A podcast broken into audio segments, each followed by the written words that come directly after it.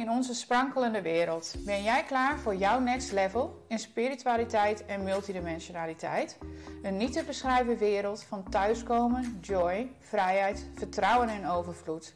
Kortom, een leven vol magie. Wij zijn Aisha Krakelbrandsen en Jolanda Duinker en met passie en enthousiasme zijn wij graag jouw gidsen op deze onvergetelijke reis. Het is onze missie om het universum te helpen door onze kennis en ervaring te delen en zo het licht te verspreiden. Deze podcast is er voor iedereen die op zoek is naar meer diepgang, betekenis en verwondering. We gaan dieper in op onderwerpen die je raken en dat doen we op een down-to-earth manier met een goede dosis humor. We benaderen spirituele thema's met lichtheid en een glimlach.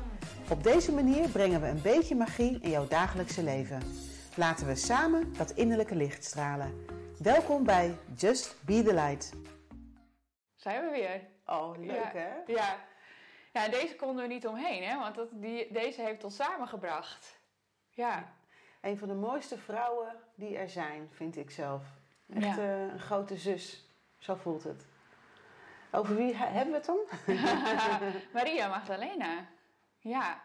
En eh velen kennen haar. ehm, en ook op een bepaalde manier. En, eh, maar we gaan er eens even induiken van nou, wie was ze echt en wat, eh, kan ze voor, wat heeft ze voor ons betekend, wat kan ze voor iemand anders betekenen. Dus daar gaan we even induiken. En eh, wij zijn elkaar eigenlijk met elkaar echt in gesprek gegaan omdat we beide haar eh channelings aan het lezen waren. Ja, het boek van Pamela Kribbe, De Verboden Vrouw. En we wouden eigenlijk beginnen met een klein stukje uit haar boek. En dat ga je even voorlezen. Ja, het is eh, een heel mooi boek. Eh, Pamela Kribbe was eigenlijk iemand die eh, ja, een, een, echt een wetenschapper was. En zij heeft op een gegeven moment Yeshua, dus eigenlijk de Aramese naam van Jezus, heeft ze gechanneld. En op een gegeven moment kwam in Frankrijk kwam Maria Magdalena door, tot haar eigen grote verbazing. En dit boek heeft ons allebei aangegrepen. En vooral de essentie van dit boek. Hè? En daarin eh, inderdaad ga ik een stukje uit voorlezen.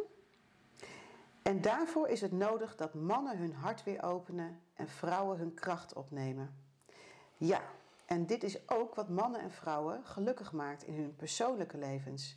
Mannen die hun vrouwelijke energie toelaten, worden zelfbewuste, liefdevolle en krachtige mannen. En vrouwen die hun mannelijke energie toelaten, worden zelfbewuste, liefdevolle en krachtige vrouwen. De relaties tussen mannen en vrouwen zullen dieper en vreugdevoller worden. Er kan dan echt van ziel tot ziel worden bemind. Stereotype rolpatronen kunnen worden losgelaten en ieder kan individueel vormgeven aan de stem van zijn of haar hart. Wanneer de ziel toegang vindt tot het menselijk gevoelsleven, kan er pas werkelijk verandering optreden. In het persoonlijk leven van mensen, in hun relaties met anderen en op de manier die ook maatschappelijk en collectief staat. Ja, ehm, dit stuk, waarom hebben we dit stuk uitgekozen? Ehm, ja, Maria Magdalena is natuurlijk wel iemand die ook eh, bekend werd eh, als, de, als de hoer in de Bijbelse verhalen natuurlijk. En ehm, ja, eigenlijk was er heel veel dingen behalve dat. En zij belichaamde wel heel erg de vrouwelijke energie, ehm, maar wel op de juiste manier. En daarom dachten we van dit is mooi om mee te beginnen. Ja, want de, de titel De Verboden Vrouw Spreekt, hè, dat is de titel van het boek. Eh, zij vond zichzelf wel een verboden vrouw. Ehm, je ziet dat heel veel feiten vanuit de geschiedenis zijn verdraaid.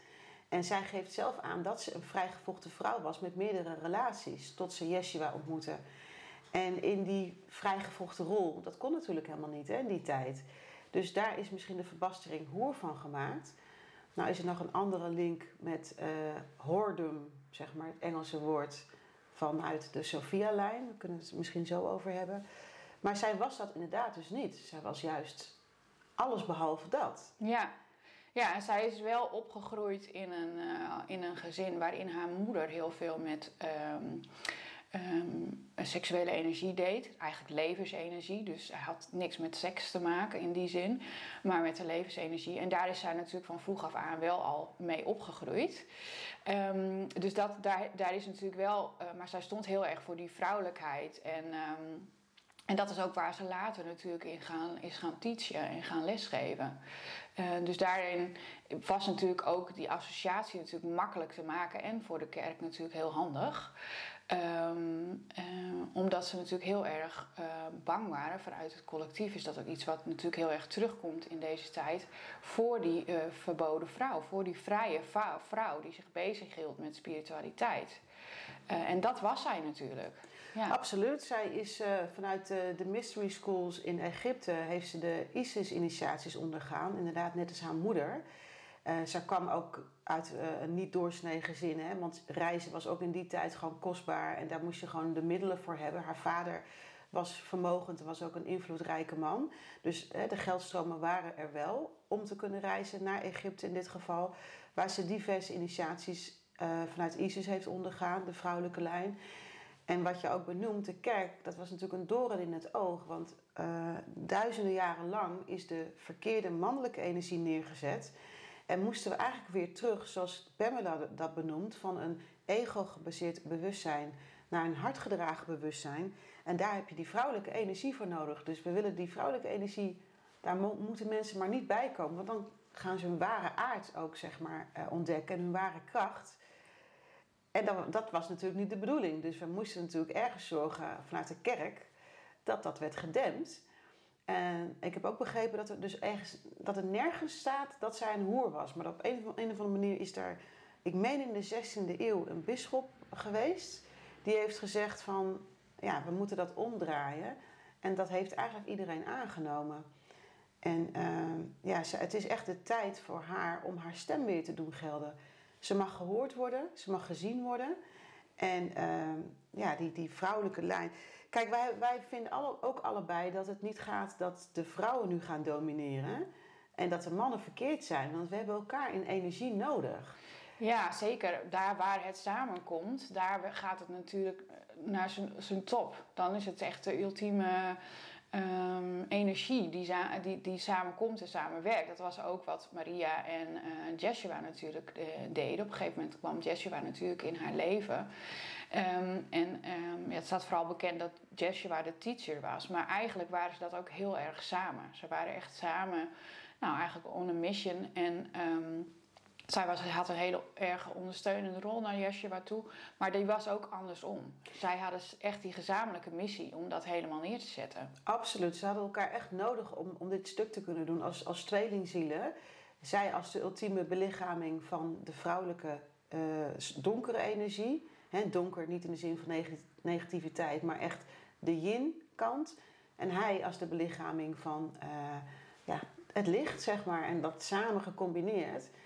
En dat wil, willen mensen die heel gelovig zijn nog steeds eigenlijk niet accepteren. Dat hij, het, hij was het niet alleen. Nee. En uh, ja, misschien kunnen we een stukje terug naar de, naar de jeugd van haar. Hoe zij, uh, ja, hoe zij hier heeft geleefd, zeg maar, in haar jeugd. Wat ze gedaan heeft. Ja, ja, ja je, je zei het natuurlijk al, ze kwam uit best wel een vermogende familie. Um, haar moeder, um, ja, ze konden moeilijk zwanger worden, zeg maar. Haar moeder ging uiteindelijk uh, bidden tot Isis. Um, en toen is zij daar uiteindelijk uh, is, is ze geboren. en ja, haar moeder was al heel erg met dat spirituele stuk bezig. En ook echt met die levensenergie, die kundalini, die vrouwelijke energie, die sensuele energie. Dus dat, daar, daar was ze vrij jong mee dat ze dat natuurlijk al uh, leerde. Um, en daar eigenlijk al heel bekend uh, mee was. Dat was voor haar eigenlijk heel normaal. Um, en haar moeder uh, kwam op een gegeven moment overlijden. En eigenlijk een van de belangrijkste boodschappen die zij meegaf aan haar vader was dat um, zij niet uitgehuwelijkd zou worden. Iets wat toen natuurlijk veel gebeurde. Maar dat zij daarin haar vrije wil mocht uh, behouden. Dus dat, ja, dat, dat is een, een beetje in, in, in grote lijnen. Ik weet niet of jij daar nog iets aan toe wilt voegen. Nou, ik, uh, we hebben inderdaad Pamela Kribbe genoemd als een van onze grote bronnen over Maria Magdalena. Een andere is Mary Tobin, een Amerikaanse dame. Ze komt uh, oorspronkelijk uit New York en woont nu al jaren in uh, New Jersey. En als je haar ziet, dan voel je ook echt dat zij is bijna Maria Magdalena. Mm. Zij heeft iets heel erg, heel erg Maria-achtigs over, over, over zich. Uh, haar boek ehm, Divine Temple of Mary Magdalene. Ik zal, we zullen in de, in de show notes even exact de titel neerzetten. Zij geeft dus aan dat uh, Magdalene was een titel. De Magdalenes was eigenlijk een, een stam waar ze vanaf kwam. En uh, haar geboortenaam is Mirjam. Een van de feiten die ik heel erg uh, verbazingwekkend vind, is dat niet Yeshua is geboren op 25 december, maar Maria Magdalena. Mirjam dus. En ehm, zij uh, is eigenlijk opgevoed met het idee van ik ga Yeshua ontmoeten. En pas op latere leeftijd, toen ze een beetje wilde tijd heeft gehad, heeft ze hem ook daadwerkelijk ontmoet. Haar jongere broertje, Lazaret, heeft wel uh, gereisd met Yeshua naar India, naar Tibet, uh, ook naar Egypte. Diverse reizen gemaakt, onder andere ook naar de Druiden in, uh, in Engeland en Schotland. En um, zij heeft hem pas later ontmoet. En de ontmoetingsplaats was Athene. bij de waterput hebben ze elkaar ontmoet. En ze wisten, zij hebben elkaar zeg maar astraal wel heel vaak ontmoet in meditaties en droomreizen. Maar dat fysieke moment was dus bij een waterput in Athene. En ze wisten ook gelijk van elkaar, dat ben jij. En ze wisten wie ze waren. En uh, hij heeft haar natuurlijk later ook als een van de belangrijkste discipelen opgenomen. Wat uh, door zijn andere ja, directe volgers niet werd begrepen. Want ze waren natuurlijk allemaal, gingen ze onder aan het juk van de heersende maatschappij. Dat vrouwen niet zoveel te vertellen hadden. En uh, zij is ook opgevoed deels bij de Essenen, een volk bij Qumran, vlakbij of in, in Israël. En dat was eigenlijk een volk wat een beetje buiten de heersende maatschappij stond. Ze hadden hun eigen rituelen, hun eigen initiaties. En daar was Yeshua was daar ook later heel veel, maar niet gelijktijdig zijn ze daar geweest. En ehm, ja, toen ze elkaar hadden ontmoet, is zij met hem mee gaan reizen. En ja, ze, hun leven is deels voor mij ook niet altijd heel erg bekend. Um, wat ik wel denk te weten is dat zij samen een dochter hebben gekregen, Saar of Sarah. En uh, na de vermoedelijke, het, het, vermoedelijke overlijden van Yeshua is zij met, met Saar vanaf ehm, Zuid-Frankrijk, de Languedoc staat ook heel erg bekend om de energie van Maria Magdalena, is zij met Saar eigenlijk ondergedoken bij de druïden.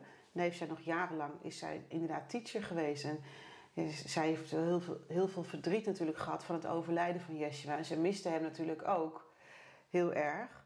Maar omdat ze de kunst bemachtigde om elkaar wel astraal te ontmoeten, is dat ook heel veel gebeurd. En daar komen ook de verhalen vandaan dat Yeshua gesignaleerd is op diverse plekken, omdat hij dat kon tonen op die manier. Maar we kunnen het ook nog een keer over Yeshua hebben. Ja, ook, zeker. Ja. ja. Dus um, ja, en ook de vraag van, goh, wat kunnen we dan hier nu mee, hè? Ja, en ook uh, waarom haar verhaal mij uh, ook wel heel erg geraakt, zeg maar. Omdat ik um, die energie van de verboden vrouw ook nog steeds hier in het hier en nu merk, zeg maar. Ik voel in het collectief dat um, uh, ja, die verboden vrouw, die, die, spirituele vrouw, die, die vrije vrouw, uh, die vrouw die haar waarheid spreekt, die, die um, ja, zichzelf durft laten zien en, en buiten de, ja, die het anders wil doen, buiten de standaard van wat er dan van een vrouw wordt verwacht. Ja, dat, dat, dat dat nog steeds heerst eigenlijk. En dat je, uh, ja, die, die, dat, dat, dat voel ik zelf nog wel heel sterk, dat die er nog is. En dat daar, dat daar is echt een beweging in gaande. Dat wordt natuurlijk die vrouwelijke energie uh, meer omarmen, meer op je intuïtie gaan uh, vertrouwen, op je, je, je gift, op je helder horen, helder zien. We hebben ze vorige podcast natuurlijk allemaal besproken. Um, dat daar nu steeds meer ruimte voor is. En um, dat vind ik heel erg mooi. En ook dat dat gewoon wel in balans blijft. Dus het heeft um, niks te maken met dat je mannelijke of vrouwelijke taken hebt, of mannelijke en vrouwelijke energie. Als je, ik merk ook dat als ik gewoon uh, de was opvouw, wat dan een soort uh, roze taakje is, zeg maar, dat ik dat nog steeds kan doen zonder mijn gelijkwaardigheid met mijn partner te verliezen. En dan ben ik nog steeds die krachtige of sterke vrouw die zegt wat ze wil zeggen en die het anders doet dan anderen. Um, en ik denk dat ja, dat, dat, dat veel uh, natuurlijk nog gevoeld wordt. En dat dat heel mooi is dat daar steeds verder een beweging in is. Um, dus ja, dat, dat is wel wat ze voor mij persoonlijk ook uh, heeft betekend. Um, dus ja, ik weet niet hoe dat voor jou, uh, wat ze voor jou heeft betekend. Ja, ik denk inderdaad eigenlijk wel hetzelfde als wat jij zegt. Um, kijk, de, mannelijke energie uh, die volwassen is en die, ja, die eigenlijk volgroeid is, zoals Pamela dat, dat omschrijft, dat is een krachtige bron die creatief is, die actie uitvoert, die van die van binnen naar buiten gericht is en die zichzelf durft te laten zien. En daar hebben wij als vrouw toch best wel nog wat moeite mee in zijn algemeenheid. Hè? Hou je maar een beetje op de achtergrond, uh, niet te veel, wat zullen andere mensen van me denken.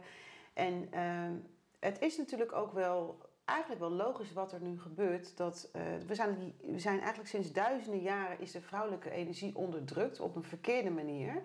Het mocht er niet zijn, uh, heksen zijn verketterd ja, vrouwen, vroedvrouwen. Ja, ja. ja, vrouwen hebben pas uh, sinds vrij recentelijk het stemrecht. En dat is wel goed dat die beweging anders draait. Alleen, ik vind wel dat je als maatschappij ervoor moet waken om mannen niet als, als fout te, te bestempelen. En dat zie ik nog wel eens gebeuren. Dat ik denk van, het is niet zo dat de man fout is. Wij hebben, er zijn eigenlijk vier soorten energie, zoals uh, Pamela, dat hier, Pamela dat omschrijft. Dat is de hardgedragen mannelijke energie, die dus positief en krachtig en volgroeid is en die eigenlijk ook als een soort beschermheer optreedt. En dan heb je ook de onvolgroeide mannelijke energie en die domineert en die is op ego eh, gebaseerd en die wil onderdrukken en ja, eigenlijk uh, dat negatieve stuk is. En dat heb je ook aan de vrouwelijke kant. Dus het is niet zo, zo, dat de vrouwelijke energie goed is en de mannelijke per definitie fout. Maar als je kijkt naar het stukje hardgedragen bewustzijn van de vrouw, dan is een vrouw natuurlijk ja, eh, ondersteunend en kan in visioenen denken en kan visualiseren en, en is verzorgend en al, al die taken. En de negatieve vrouwelijke energie, die is, uh, zit in een slachtofferrol, die klaagt, die is onmachtig. En als we allebei dus uh, willen volgroeien in dat stuk, zowel de mannelijke als de vrouwelijke, dan zou je allebei aan, zou je aan de slag moeten. Kijk, en wij zijn natuurlijk allebei vrouw, maar we hebben ook dat stukje mannelijke energie. Ja, we hebben ze allebei in ons natuurlijk. Precies. Dus dat gaat, het gaat om de balans. Het gaat echt om de balans. En de balans van vrouwen uh, in, in de balans in hunzelf, in de mannelijke en de vrouwelijke energie. En voor mannen ook de balans tussen de mannelijke en de vrouwelijke energie in hunzelf. Um, want ja, het is allemaal eenheid. Het is allemaal met elkaar verbonden. Dus um, ja, daar denk ik dat daar inderdaad een hele grote kracht ligt. Um, ja, en, en je zei het net al een beetje van, uh, en, en wat kunnen ze hier nog uh, betekenen natuurlijk.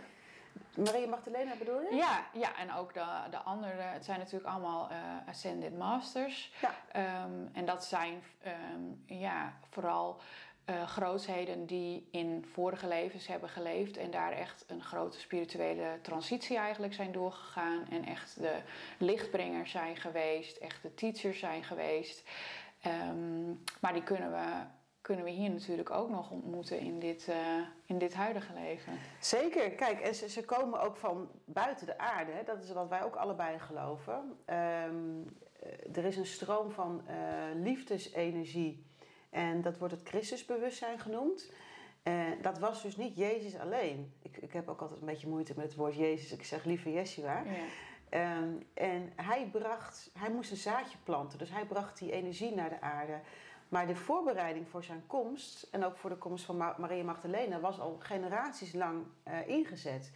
Uh, zij, omdat zij de, de, de belichaming is van de donkere energie, heeft zij dus ook uh, Anunnaki-DNA.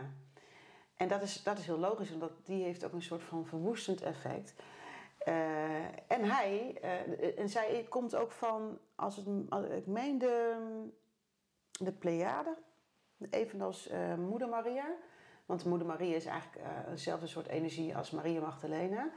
En Yeshua vanuit Sirius. En zijn Syrische naam is ook Ananda. Hij wordt ook wel Lord Ananda genoemd. Ik weet eigenlijk niet wat haar, haar naam is, zeg maar, nee, haar astrale naam. Nee, weet ik ook niet. Um, en die energieën, kijk, het ging de verkeerde kant op met de aarde. Dus er moesten gewoon positieve energieën komen. En dat zie je dus nu ook verspreid over de hele aarde van uh, zaadjes. En zij kan dus, zij is dus de belichaming, belichaming van het vrouwelijke. Dus dat kan je eruit halen. Hoe kan ik toch sterk in mijn vrouwelijke energie zijn? eh, zonder mezelf te verliezen. En ik mag, er, ik mag naar buiten treden. Ja, en die Ascended Masters die zijn er inderdaad om ons ook te helpen om dat bewustzijn te verhogen en dat licht te brengen. En ehm, ja, daar, daar mogen we gewoon hulp bij vragen van hun. Ehm, ik heb zelf één keer uh, uh, mogen channelen met Maria Magdalena.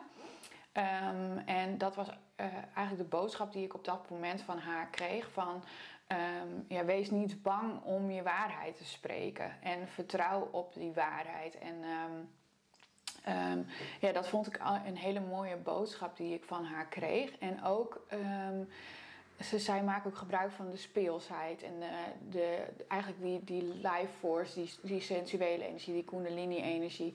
Uh, dat mag er ook allemaal, allemaal zijn. Dat het niet, uh, nou ja, te, te serieus, ja, ik weet.